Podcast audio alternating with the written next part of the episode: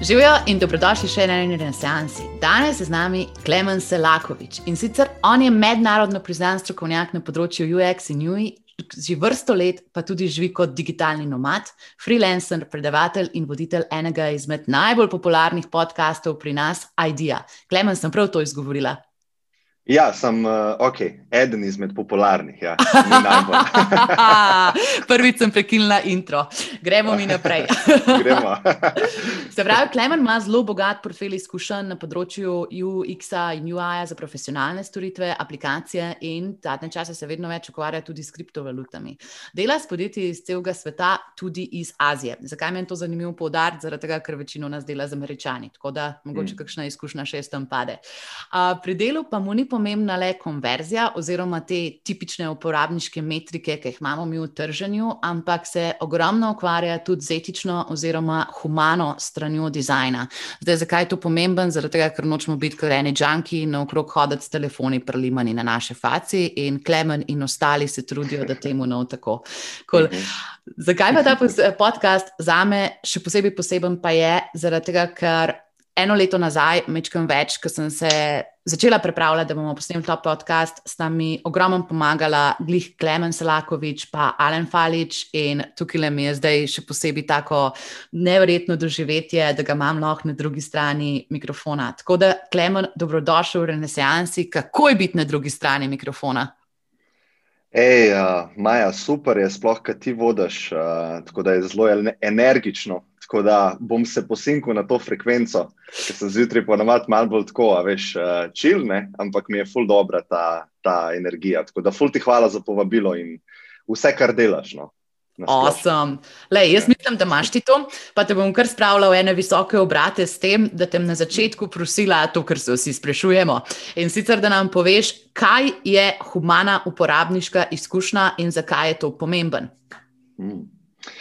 Ja, zdaj, tako, um, če sestavimo te besede skupaj, ne, pač je nekako jasno, da se pri oblikovanju izkušenj probamo fokusirati tudi na humanost, ne, se pravi na nek etični aspekt tega, kar delamo. Ne, se pravi, naše delo ima vedno posledice za ljudi, ki bodo to uporabljali. In jaz mislim, da zadnja leta se je mogoče.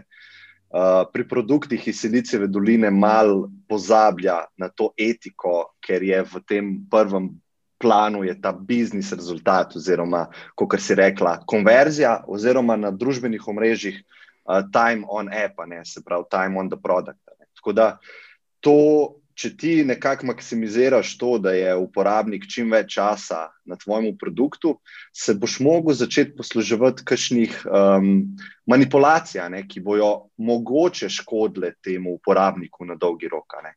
Tako da nek ta mov, movement tega, te humanosti, ki sem ga jaz probil začeti uh, nekako odpreti to debato v Sloveniji, ne, izhaja čistko iz, uh, iz Amerike, verjetno veliko ljudi je gledal ta uh, Social Dilemma, uh, film. Na, ja, nekaj grdega so rekli o growth hackingu.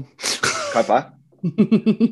Rekli so, da obstaja praksa z nazivom growth hacking, ki želi zapeljati ljudi, da bi hiperkonzumirali tehnologijo kar ni res. Ampak mm. uh, ja, pač na ta način je očitno veš, en takšen zdrav konflikt med tem, kaj jaz večino časa delam, se pravi, maksimizacijo konverzij, prodaje in časa mm. na napravah in prikazov glasnega prostora, in pol na drugi strani to, kar ti razlagaš. Zakaj pa je to pomembno? Zaradi tega, ker sem pa pošala. Uh, tudi ne smemo človeka spraviti v, v situacijo, ko bi, ne vem, izstradal se do smrti, zaradi tega, ker je tako zasvojen z Netflixom. To tudi za mhm. podjetje na koncu ne bi bilo v redu. Ampak ne, lej, to so zelo ekstremni primeri. Um, ful me pa zanima, kaj, zakaj je tebi to področje osebno pomembno in zakaj vidiš, da moraš tudi v Sloveniji ozaveščenost o tem dvigovati. Um, ja, čist Sloveniji, zato ker tukaj jaz živim, ne, in je ful lažje. Uh, tudi podcast delamo v slovenskem jeziku, glih z, iz tega vidika, ne, ker ker sem bil mlajši, sem se toliko osredotočil na tujino, pa moram delati v angleščini, pa imamo vsi neke take cilje, ki so globalni. Pa sem pa rekel, zakaj pa ne bi lokalno začel. Ne. Tako da se mi zdi, da tudi tukaj je fajn, da se pogovarjamo o teh stvareh, ker um, delamo z podjetji iz Siliceve doline, kot si rekla, ali pa iz Azije, pa se Slovenci so ful dobri na tem področju, na market, marketinškem področju, ali pa IT-u na splošno. Um, zakaj pa jaz ne? Um, ne vem, več odgovorov lahko povem. En je pač čisto osebna izkušnja, ker sem osebno začel videti, kaj to dela psihološko eni osebi, ki ni dorasla, um, ki, ni, uh, ki nima poštimanega lajfa v popolnosti. In to so pač droge, ne? to so v bistvu lahko droge, ne? tehnologija je lahko droga. In uh, vidim, da to ni hec, in svet gre v to smer, ki se bomo mogli malo začeti. Uh, jaz ne pravim, da zdaj zavoro potegnemo, pa ustavimo vse, ampak mogli se bomo začeti pogovarjati o tem. Zato, ker um, otroci uh, uporabljajo to, ne? oni pač ne, še, ne moremo še od njih pričakovati, uh, da bodo imeli neko sposobnost zadržanja. Ne? Tudi tega dela v možganjih nimajo še razvidega, sploh, uh, ki je zaslužen za to. Um, na drugi strani imamo pa ljudi, ki so pač uh, v slabi psihosocialni situaciji in take stvari so pol fulbal vabljive. Uh, tako da jaz mislim, da rabimo imeti družbo nedepresivnih ljudi. Ne? In to so pa neka, to so pa neka uh, kako bi rekel, neki problemi, ki lahko eventualno vodijo v neko epidemijo uh, slabega počutja. In to ni dobro za nobenega od nas. Ne, pa, veš, jaz sem tudi malo razmišljala o tem, pa zdaj pikico bom zafilozofirala in to si s tabo upam narediti, zaradi tega, ker imaš zelo rad tako široko širino tem. Um, tako sem razmišljala, ono, če bi bil včasih svet tvoja vas, pa si mogoče občasno zvedel, kaj se v drugi vasi dogaja, in si bil pač tako pozoren na te elemente, zdaj pač tako res v tem predamenem telefonu nosiš milijardo ljudi. In pač tako dostop do informacij, pa smisel, ki si ga lahko narediš v življenju, si ga v resnici, kot si ful dobro citiral Social Dilemma, narediš v okviru tvojega mehurčka mm. tisto, kar tebe zanima. In tako ratamo, mislim, ne samo depresivni, ampak tudi tako močno ignorant, kako se temu reče. Pač tako tisto omejeni, omejeni ratujemo na neke stvari, ki si delamo svojo prizmo stvarnosti s temi interesi. A je to tudi ena taka stvar, ki te skrbi, ali še ne v tej situaciji? Um, ne, absolutno, absolutno um, v celota tega, ne? ker uh, glih pred dvemi tedni, mislim, da sem se na podkastu pogovarjal z uh, Aleksandrom Zadelom, on je, on je psiholog, en full znan slovenski. In uh, doskrat se s temi psihologi pogovarjamo o depresiji, ki mi je zdaj trenutno zelo tako zanimivo stanje. Je, Ali pa tako nasplošno se vedno sprašujem, kaj je dobro življenje, ne? kako živeti dobro življenje. Ne? In depresija je ekstremen primer nedobrega življenja. Ne? In on mi je rekel, da je depresija bolezen neurejenih osebnih odnosov. In to, če se malo navežem na, te, na to, kar si ti rekla, ne, uh, tehnologija na, nas malo potiska v te mehurčke, ampak celo bi rekel v mehurčke samote. Ne, ti v bistvu kar naenkrat ne rabiš se družiti z ljudmi, tako kot si se včasih. Ti v bistvu lahko doma si freelancer, delaš prek svojega računalnika, um, prek Facebooka si povezan s prijatelji, prek LinkedIn-a z biznis uh, ljudmi, prek Zooma imaš lahko klice. Ta epidemija je bila tako, da nekako tehnologija ti omogoča, da ne greš iz svojega uh, tega komfort zona doma. Ne? In veliko ljudi je osamljenih in um, na, na dosegu roke je v bistvu vse to drogiranje, ki ga najdemo v napravi. Tako da jaz bi rekel, ja, da bo to vedno bolj problema uh, zaradi teh mehurčkov, ki v bistvu ni nobenega drugega v mehurčku razen tebe. Dobro, šli smo ekstreme in veliko krat smo uporabljali besedo droga. Droga, mm. vemo, da je kemična substanca, ki nekaj naredi našim možganom. In zdaj vem, da si se tudi ukvarjal ogromno s to neuroznanostjo oziroma s tem, kaj se dogaja v naših možganih. Uh, a nam lahko koncept humane uporabniške izkušnje, oziroma nehumane uporabniške izkušnje, bo po mojem še boljš pojasnil čez kemijo, ki se dogaja v naših možganih. Mhm.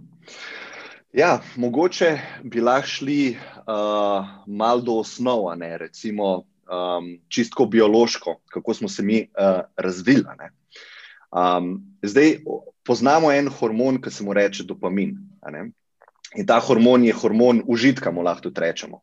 In preko tega užitka on postane hormon učenja.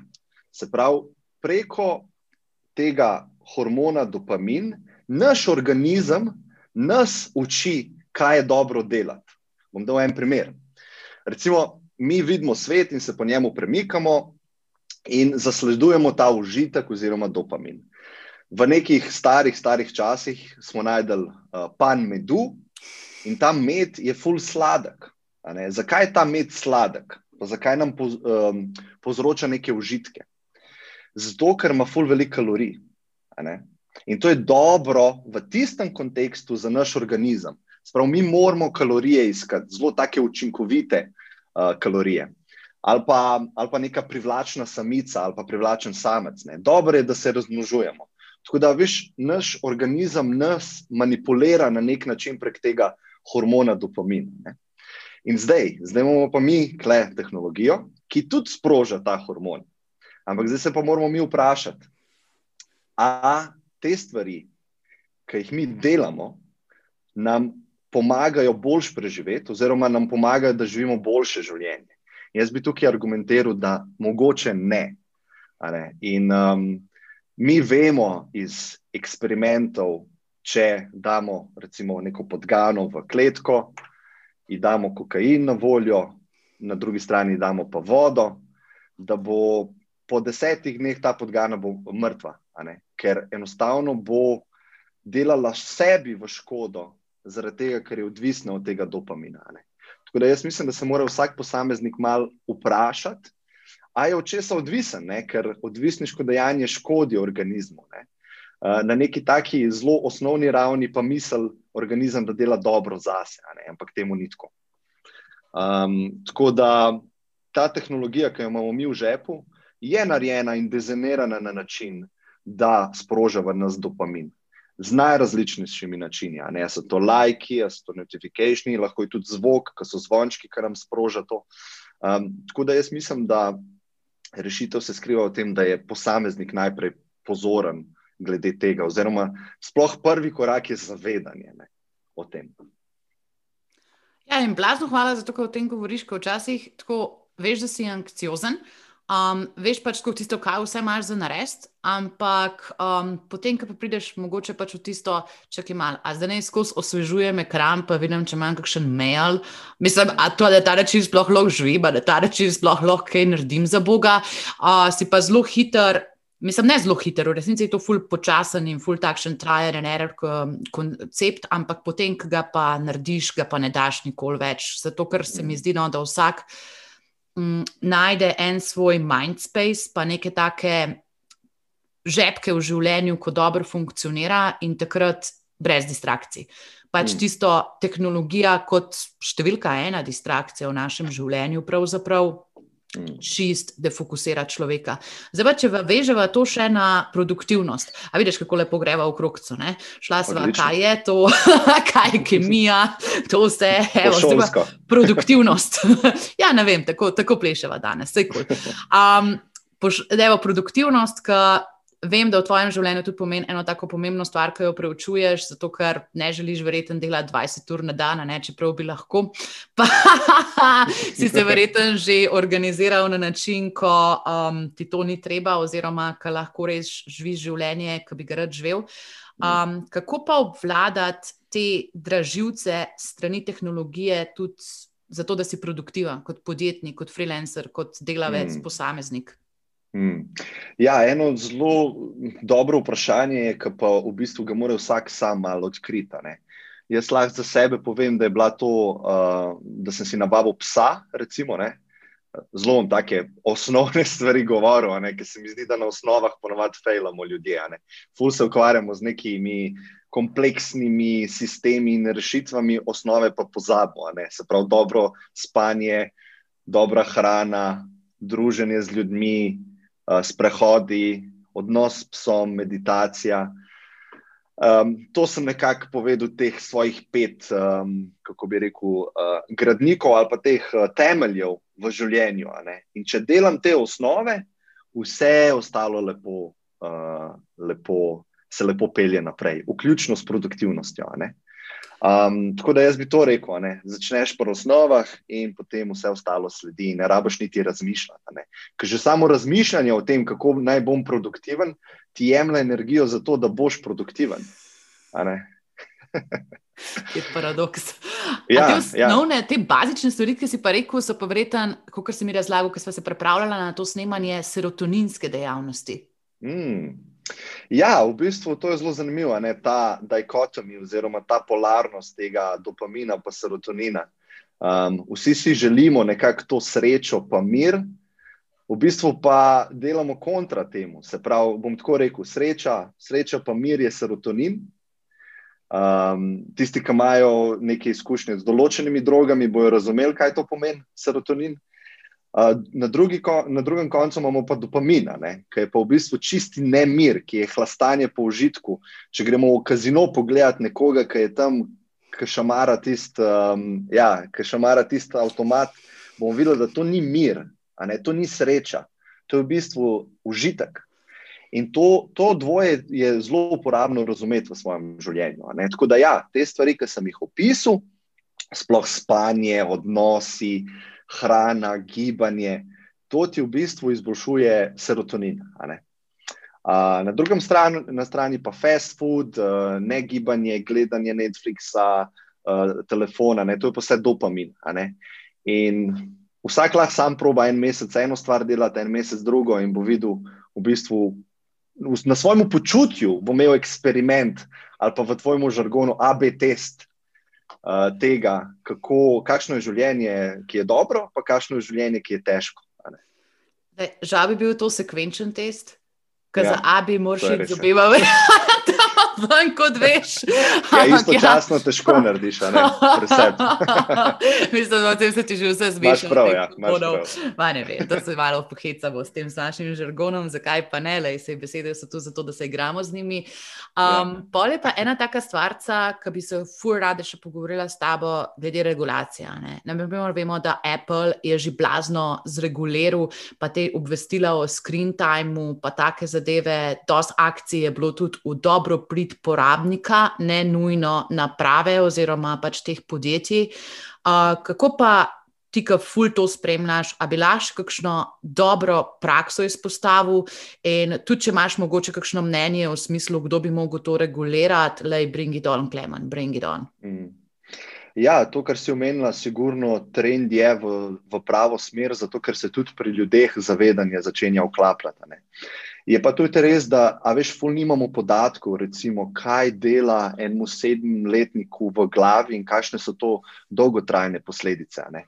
Tako da tukaj me mogoče malo skrbi, da bomo prepozni, da bomo imeli eno generacijo, ki bo imela trajne poškodbe možganov zaradi tega fiksanja z dopaminom v, v zgodnih letih.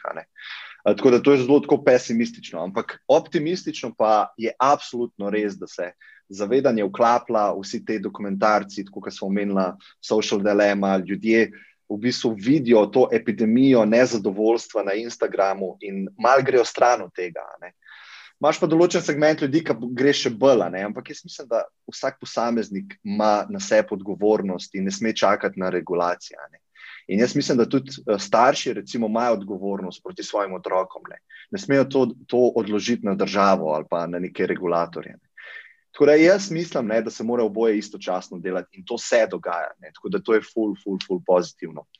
In uh, jaz sem vedno ful zagovornik tega osebne odgovornosti. Tako da, če bo vsak sebe um, uredil, pa nekako uh, pazil, imel pod kontrolo, živel dobro življenje, bo dal nek košček v ta mozaik uh, spremembe v svetu. Ker mislim, da doskrat je zdaj, a več sploh mladi imajo, imajo nek tak. Um, neko tako željo po spreminjanju sveta. Ne. Jaz mislim, da moraš začeti presepati in pol to v bistvu te koncentrične kroge širiš na vzven. Um, tako da jaz mislim, da se iz vseh strani dogaja, tako da to je zelo po, pozitivno in, in sem nasplošno op, optimističen. Je fulno po to slišati, mogoče pa sam, ki si izpostavil ranljivo skupino otroci, le mislim, da ti, ti, ti, ti, jaz, je dibava, to jih dibava, tako da um, tukaj le verjete, da nismo glih najbolj kompetentna sogovornika na svetu. Bi ja, pa res. mogoče um, pač tako, veš, v, inter, v interakciji z našimi starši, naprimer, ki niso odraščali s tehnologijo in jo razumejo na en drug način. Uh, bi si upala reči na bolj naiven način, na bolj nekritičen način, um, da pač stvarem, ki jih preberejo, enostavno verjamejo. Pač povzetek mm. medijskega sveta, kot je bil 30 let nazaj, a pa propagande. Um, mm. in, vem, a tukaj je tudi iz vidika humane uporabniške izkušnje, mogoče kakšna stvar, ki jo moramo paziti iz vidika ozaveščanja, pa zdaj ne bova šla pač na te spemi Nigerijan primce, pa to, da praskamo srečke v online loterijah. Ampak tako, a je treba dizajnirati tudi s pozornostjo na starejše uporabnike z netok izkušnjami? Ja, mislim, da je odgovor na dlani na vse uporabnike. Ne? Se pravi, human, da si human do vseh ljudi, ne, ne parcialno. Ne? Ja, oni, to, to si zelo dobro. Nisem toliko razmišljal o tem, ampak sem definitivno trend opazil tega fake newsa na social mediji in uh, tukaj je največji krivec, sigurno Facebook, kjer so te uporabniki, ki si jih ja. opisala, se pravi, malo starejši. Um, ja, enostavno oni niso odraščali z internetom in nimajo te distinkcije v glavi, da to, kar piše na internetu, niso preverjene informacije. Ti moraš vse z neko skepso pogledati. In um, videli smo že med volitvami uh, v Ameriki ta problem, kjer so manipulirali skup, vel, velike skupine ljudi z fake uh, newsom. In um, to bo en problem, sploh zdaj, ko imamo uh, zdravstveno krizo, prihaja podnebna kriza, dva tabora, politični aspekti. Ne, cel klaster fakt obstaja na, na netu in to se bomo mogli nekako soočiti s tem. Ne. ne vem pa, kaj je najboljši. To je zelo, zelo, zelo velik problem. Tako da začetek bi vsaj bil, da bi Facebook priznal, da se to dogaja, da bi imel neko strategijo borbe proti temu. Uh, neki so sicer dali, ne vem, sem opazil, zraven postov, hej, pozor, uh, tale uh, članek je verjetno neverodostojen, se pravi, da dajo neke tege zraven. Ali pa na Twitterju sem videl, doskrat, da je bilo tako, da če si ti hotel retvitati ten članek, pa ga nisi odprl, da ti je Twitter rekel: hej, nisi prebral članka, a ga res hočeš retvitati, zato ker uh, headline ponavadi ni dovolj. In to je bila neka taka zelo super stvar, zato ker folk v bistvu je šeril doskrat stvari, ki jih sploh ni prebral. Samo headline, uh, headline jim je bil všeč. Um, tako da dogaja se tudi na tem, na tem področju. Ne. Bo pa verjetno mogla, sploh zato, ker manipulirajo politični sistem, bo v Ameriki mogla, po moje, država vstopiti vmes in uh, na hitro z nekimi regulacijami to, to urediti. Uh, ker Facebooku je konec koncev v poslovnem modelu fajn, da folk šera uh, stvari, da je gor na Facebooku, da se sprožijo te dopaminske um, stvari, ne, ki ti vidiš um, uh, neke take senzacionalne naslove, ne, tudi takrat se dopamin sproža. Uh, tako da gre kontra njihovem biznis sistemu, ne, tako da so oni zelo v nekem takem težkem položaju. Na eni strani jih pritiskajo ljudje, pa država, na drugi strani pa delničari, da je treba boljši rezultat imeti naslednjo četrtletje. In to je pač problem, po mojem, celega kapitalizma, ne? da je preveč gledanje na, na kratki rok, ne v biznisu. Mm. Odlične istočnice, ampak obesla se bom na eno zelo specifično stvar. Ful, hvala, by the way, ki si delil primere. Primeri nam res pomagajo razumeti to stvar najbolj plastično, kot je možno. Spet grem nazaj na svoje bumrčke, zaradi tega, ker smo se žigoval, potičem, pogovarjala o podkastu o simbiozi. Uh, pa bi izpostavila, rada prediskutirala s tabo še eno stvar in sicer informacijsko varnost. A je to tudi del uporabniške izkušnje, zaradi tega, ker res včasih, ko gledam to svoje sorodnike, mislim, prvič, odvisni so od lajkov od Facebooka, nekateri, drugič pa pišejo od ja, take stvari, ki bo jaz rečem, hola, tukaj le gre tvoja kandidatura za župana, pač ne bo se naredilo, opliv si. A se v tem, kot UX strokovnjak, tudi sprašuješ? Um, lej, čistko v svojih projektih, itak gledam, jaz, jaz, sem, jaz sem tudi v tem precepu. Ne? Jaz moram zasledovati cilje, ki jih ima podjetje, pa cilje, ki jih ima uporabnik. Zdaj, jaz čisto osebno dajem prioriteto ciljem uporabnika. In zdaj to je treba nekako vedno podjetju, ker gre v njihovo škodo, poslovno, razložiti, da na dolgi rok je to boljše. In v bistvu, kle se moraš ti kot freelancer, se tu me tudi zanima, kaj ti misliš. Ti se moraš posinkati s tem naročnikom tudi v vrednotah. In um, jaz mislim, da zelo težko ti z nekom delaš, ki imaš totalno drugačne vrednote. Um, tako da, ja, vse skupaj, če škodi uporabniku, ni ok to iz vidika uporabniške izkušnje. Uporabniška izkušnja je bila slaba, če je on prestrašen, če je v dvomih, um, če mu ni jasno, kaj. To vse je slaba uporabniška izkušnja in je slaba interakcija s tem podjetjem, ki hoče nekaj prodajati. In jaz mislim, na dolgi rok, če boš ti kultiviral in eh, masiral to uporabniško izkušnjo na najboljši možen način, boš pridobil zaupanje uporabnikov. Tukaj lahko greva na področje brandinga in vsega, kar se ne da zmeriti na kratki rok, in to je problem. Um, Klej mora biti pač neko zaupanje, da je to prav, da to, kar delamo, da delamo prav, da delamo boljš, tudi če nekaj denarja pustimo na mizi na, na kratek rok.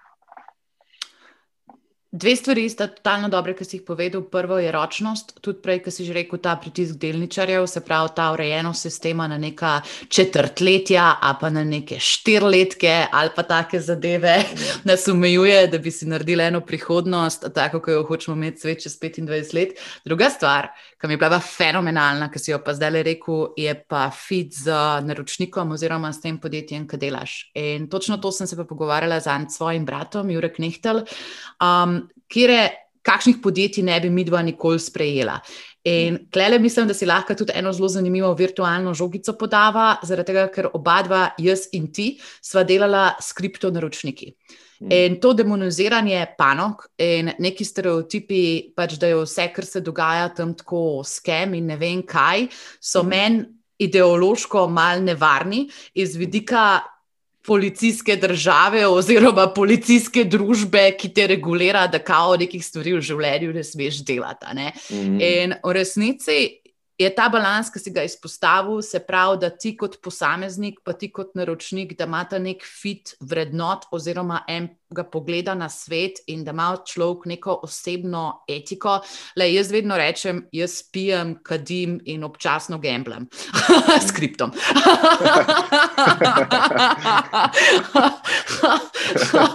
Lej, mislim, če pač jaz vse v življenju pač tako po, uh, počnem te stvari, kdo sem jaz, da bi lahko drugim moralizirala, da tega ne smejo početi.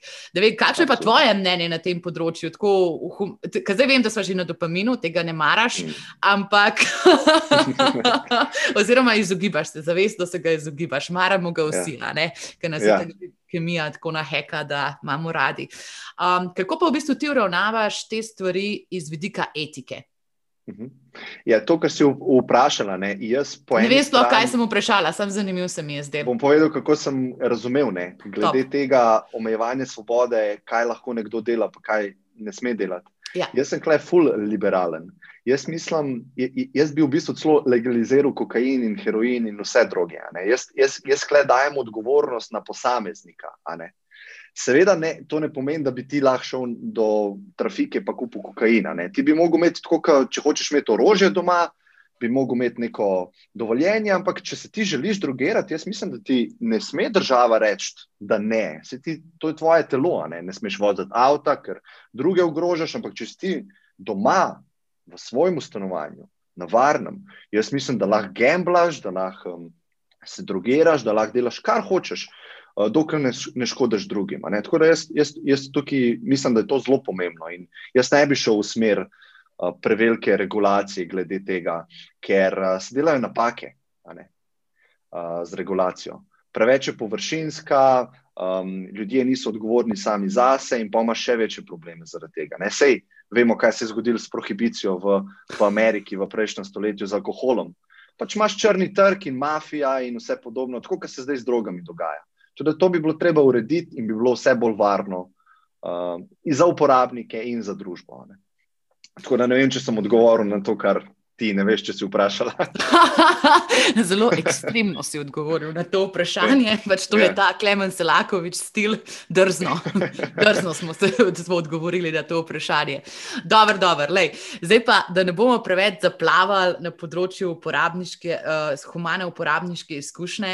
Klemen, za konec te sekcije bi te prosila, sam mogoče še za neki trendov, ki si jih ti mogoče pri svojem delu videl, a pa v svojem življenju videl, ki se ti zdi, da mhm. nakazujejo ta premik, pa bojo našim poslušalcem pomagali razumeti, kako lahko tudi oni prispevajo k humani uporabniški izkušnji. Um, ja, v bistvu, eh, če dava ta uporabniško izkušnjo stran, v bistvu sam humanost lahko. Pustiva, ali pa lahko rečemo samo etiko.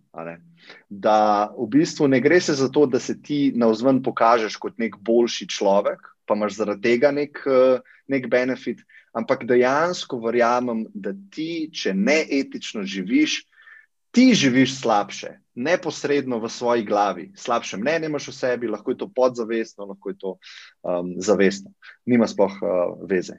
Tako da jaz mislim, da, tako kot sem prej rekel, več posameznikov, ki se bo te, to, tega zavedali, boljše življenje bojo živeli in sabo bojo potegnili druge posameznike, in na, na koncu bomo imeli boljšo družbo. In na koncu, če gremo v ekstrem, bomo živeli v nebesih, kjer bomo vsi povezani in um, srečni.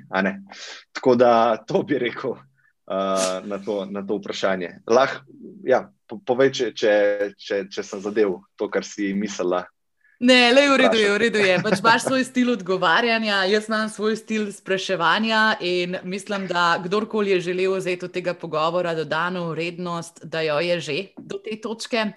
Zdaj moram pa jaz premasirati še z eno tradicionalno sekcijo podcasta, ki se pa imenuje podjetništvo. Se pravi, vsi ljudje, ki želijo iti po tvojih stopinjah, a pa se jim ti nek navdih v življenju, zato da lahko dobimo malo materijala za glodati, um, kako postati Klemen Selakovič.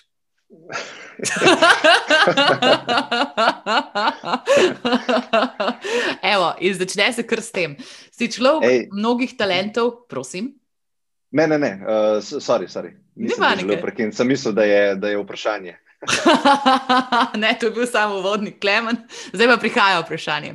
In sicer tebe poznamo res kot človeka mnogih talentov, pa tudi interesov.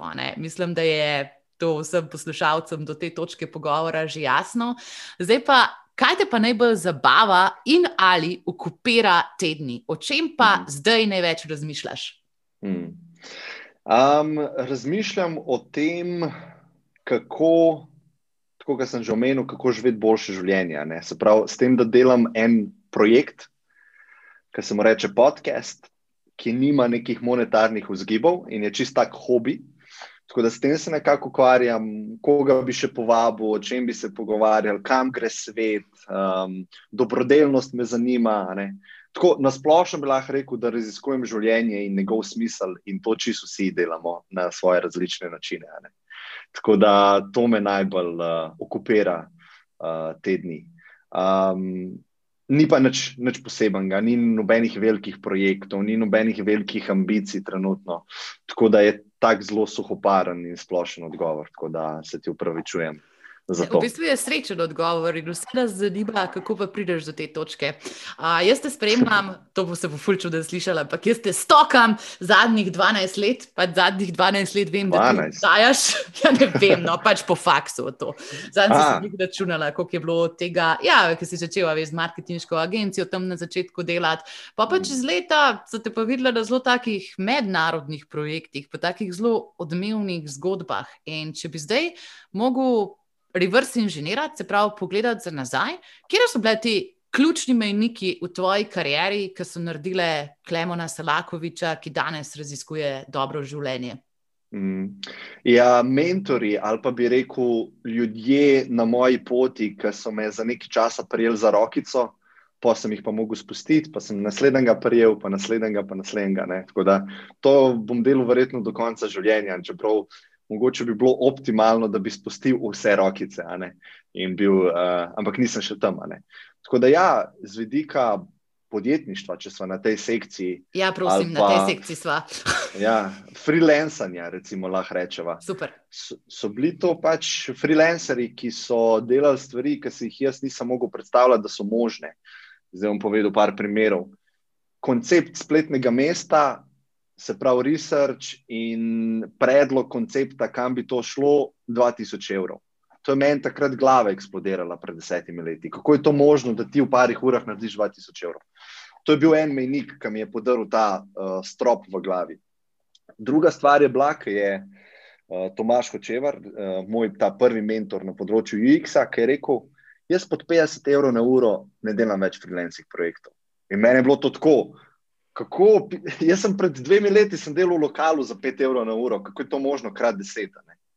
In v bistvu, pol, ker sem jaz bil v situacijah, ker sem mogel povedati ceno ne, nekemu mednarodnemu naročniku, so bile te, te stvari ključne, ključne, se pravi, te, ta semena, ki so jih ti mentori v moji glavi posadili. Ne, da sem jaz razbil te svoje vzorce družinske, ki imaš neke omejitve v glavi, neke strope imaš, ne, glede tega, kaj lahko ti delaš, kje lahko delaš, iz kje lahko delaš, za koliko lahko delaš. Tudi vsa ta vprašanja um, nisem imel pravilno odgovorjena v svoji glavi um, do takrat. Tako da, ja, jaz sem vedno hvaležen ljudem, ki so mi to omogočili. In uh, vem, da tudi ti sama veliko delaš na tem področju, zdaj, zdaj sploh, ker si bolj prepoznavna v tem, uh, v tem segmentu, ki ga pokrivaš, ali pa na biznis področju na splošno, da ogromno mladih ti verjetno piše. In to je v bistvu, po moje, ena stvar, ki se je doskrat ne zavedamo, zdaj, ki smo v tej poziciji. Ne? Da neka čista banalna stvar enemu totalno zašifta mindset in mu posledično spremeni življenje na bolje. Um, tako da jaz mislim, da moramo se tega bolj zavedati, zato da si večkrat čas vzamemo za nekoga, ki je na začetku te poti. Tako, no. Ej, Klemen, to lepo si to povedal, prav tako podoživljam, prav en takšen lep občutek imam zdaj le v notranjosti, ki si na ta način um, skonceptualiziral zadeve. Hvala ti za to. Na ta način jaz tega še nisem um, slišala povedanega. In ja, to je zelo pomembno. Pač ta transformacijski moment, glej sem se z rokom Hrastnikom danes zjutraj dopisvala, pa sva imela eno misel, da podjetju lahko v enournem pogovoru narediš za milijon profita. Hmm. Teoretično, ne vedno, ja. ampak da se. in kaj je ja. pol, ajš pravi način, kako boš to vrednotil. Mislim, aj naš konzulting model zlomljen vsi poslovni modeli so zlomljeni, najbolj zlomljena stvar na svetu je urna postavka. Ampak na kakšen ja. način boš to urednost, o kateri se lahko pogovarjamo, um, ki se izkaže čez dalj časa. Uh, zajel v poslovni model, to so nori koncepti. In vem pa, da iz tega bi pa sam še tale šalta oddala, no, zato ker je skupen prijatelj Andrej Škraba. Um, on je pa mene glih na tem področju, da dajemo nazaj inspiriral. Meni tako, veš, takrat, ko smo bili skupaj v poslovnih krogih, pa je on delal Astro, meni takrat koncept socialnega podjetništva se ni bil čez znan. Pač tako, pa sem ga skozi tisto, pa kje je posloven model od tega, pač tako, a, a intenzivno mm. zbiraš donacije, pač tako možgani so mi v eno drugo smer delovali. On mi je pa v bistvu naredil pač to tako platformo, ki mu je dala za desetletja legacija, pač tako nekega super imena, nekega vpliva na druge. Socialni kapital. Noro. In tudi vem, da ste videli nezavedno združila moči pri Astri, da ste naredili skupaj redesign, novo podobo. Um, tako, kjere, na kere načine ti, poleg podcasta, še daješ družbi nazaj te transformacijske momente, potencijalne transformacijske momente, ki ne pristanejo vsi? Ha, dobro vprašanje. Um, končno, končno.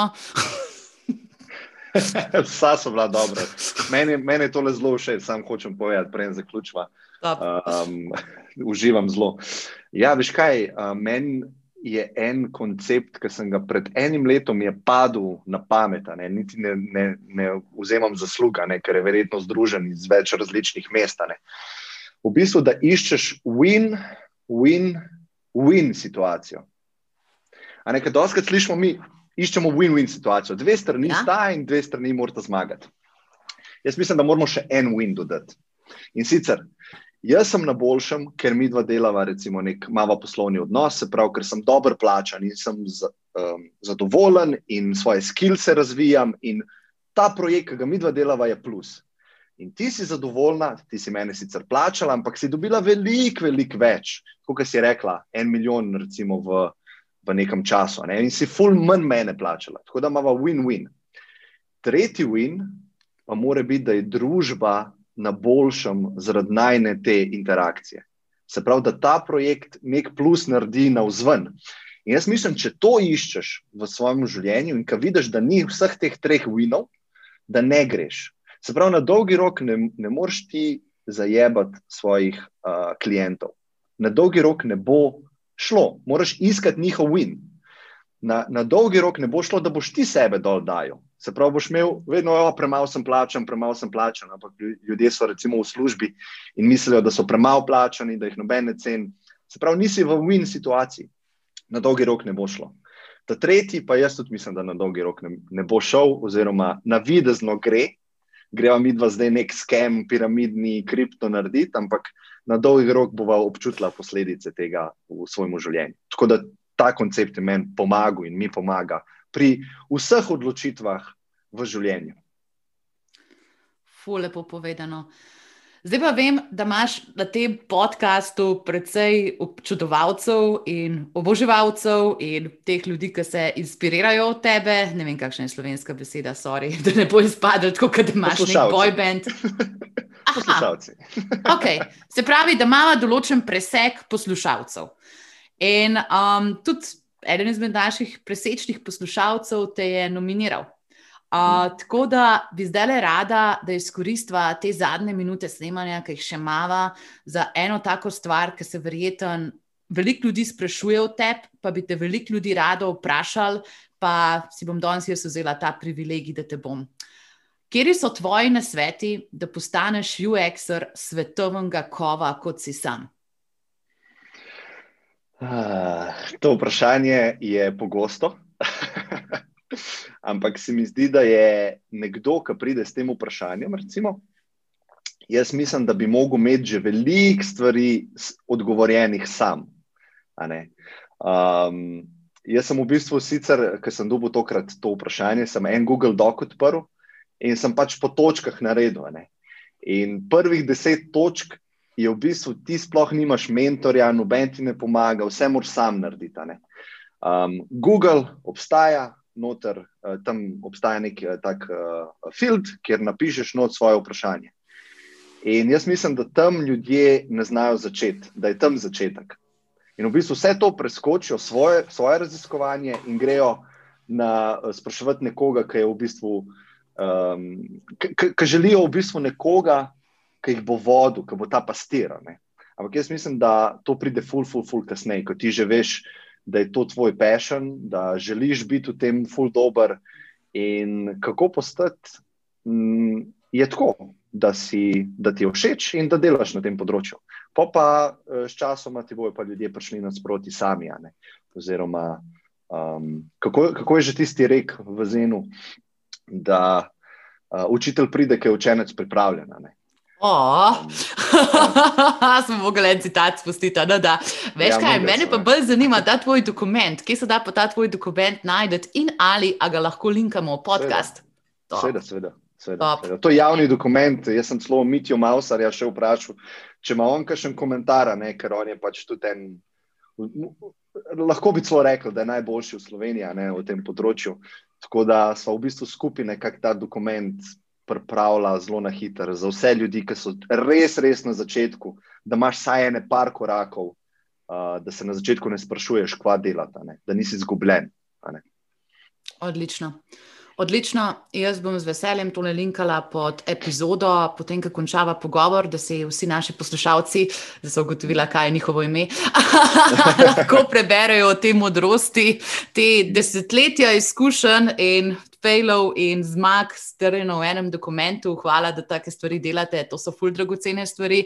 Um, zdaj pa sem še ena stvar, ki bi jo pa ful rada odprla s tabo, je pa to podjetništvo. Ker, kot veš, si ti rekel, da so tebi eni ljudje pač ono odprli oči, pač wow, 500 evrov na uro lahko zračunaš, wow. 15 ur na projekt lahko zračunaš. Um, mimo grede, pa je, če staneš manj kot en avto, si slab konzultant, to so mi rekli. Um, Imaš avto za 300 evrov. good point, recimo, da se obejiva na nove, novejše modele. Ampak ne, tukaj, le, le, sploh za Slovenijo, ne, se mi zdi, da imamo res ogromen talentiranih ljudi, kot smo poudarili. In zdaj tega freelancerstva jaz ne rejvam kot najboljšo obliko za vse ljudi v najrazličnejših življenjskih področjih. Amala lahko za konec, pač tako en takšen pogovor, srce na srce. Kje si ti videl kot pluse, kje si videl kot minuse, in kaj si se iz te svoje kariere kot freelancer naučil? Ja, zelo dobro vprašanje. Um, Malo mal zahtevno, ker moram malo ja. pomisliti. Ampak ja. uh, definitivno plusi so te osnovni, ne, se pravi, bolj si. Um, bolj svobodno razpolaga s svojim časom, kar je tudi eden izmed največjih minusov. Jaz sem v bistvu videl že par ljudi, ki so naredili to tranzicijo iz redne zaposlitve v freelancing. In, a veš, stoprocentno njih je imel obdobje krize, depresije, zgubljenosti, ker enostavno gre za totalno drugo obliko organizacije časa. Sprav ti tam v redno zaposlitev prideš, se štampiraš, uh, se usedeš in je nek proces, ki te vodi. Tukaj si pa ti, ne, in moš ti sam sebe vo, voditi. In na začetku to ni tako jasno, in zgubiš nek kompas, in sam flotaš, in si v pižami do enih. Take stvari se ljudje ne zavedajo, ker niso, niso šli čez to. Da ni tako easy, pa ni tako tako kot vse stvari, ne, ni tako, uh, kako bi rekel, uh, uh, ni blišč samo, ne, je tudi precej velika beda. Ne. Tako da, ja, to, da odgovornost posem prevzemaš na svoje ramena, glede svojega časa, glede svojega zaslužka, je, je plus in minus, ne, največji uh, na obeh straneh. Um, tako da. Ja, no, to, to bi rekel. Glede tega, pa uh, prihodnosti organizacije dela, jaz mislim, da če si freelancer, da si nekako usklajen s temi trendi, ki prihajajo. Ne. Pravi, ne zdi se mi več tako relevantno, če si nek specialist, da si zaposlen pri nekomu. Zato, ker enostavno potrebe niso skozi full time, um, um, nekako padeš v svoj box, lahko tudi. Tako da jaz mislim, da na dolgi rok, kako se bo ekonomija spremenjala, boš imel v bistvu zgolj freelancerje, ki bojo pač najeti za določeno reševanje problemov. Delavcev bo pa itak vedno manj, ker veš, vse veš, ne, prihajajo ti trendi umetne inteligence in avtomatizacije delovnih mest. Tako da jaz mislim, da boš mogel nekaj z možgani delati. Ne. Z možgani v bistvu rešuješ probleme tako da boš nek svetovalec, konzultant oziroma nekaj podobnega. Tako da jaz mislim, da bo, da bo freelancing um, ostal in prevladal. Ej, Klemen, kaj pa penzija? Ja, se to.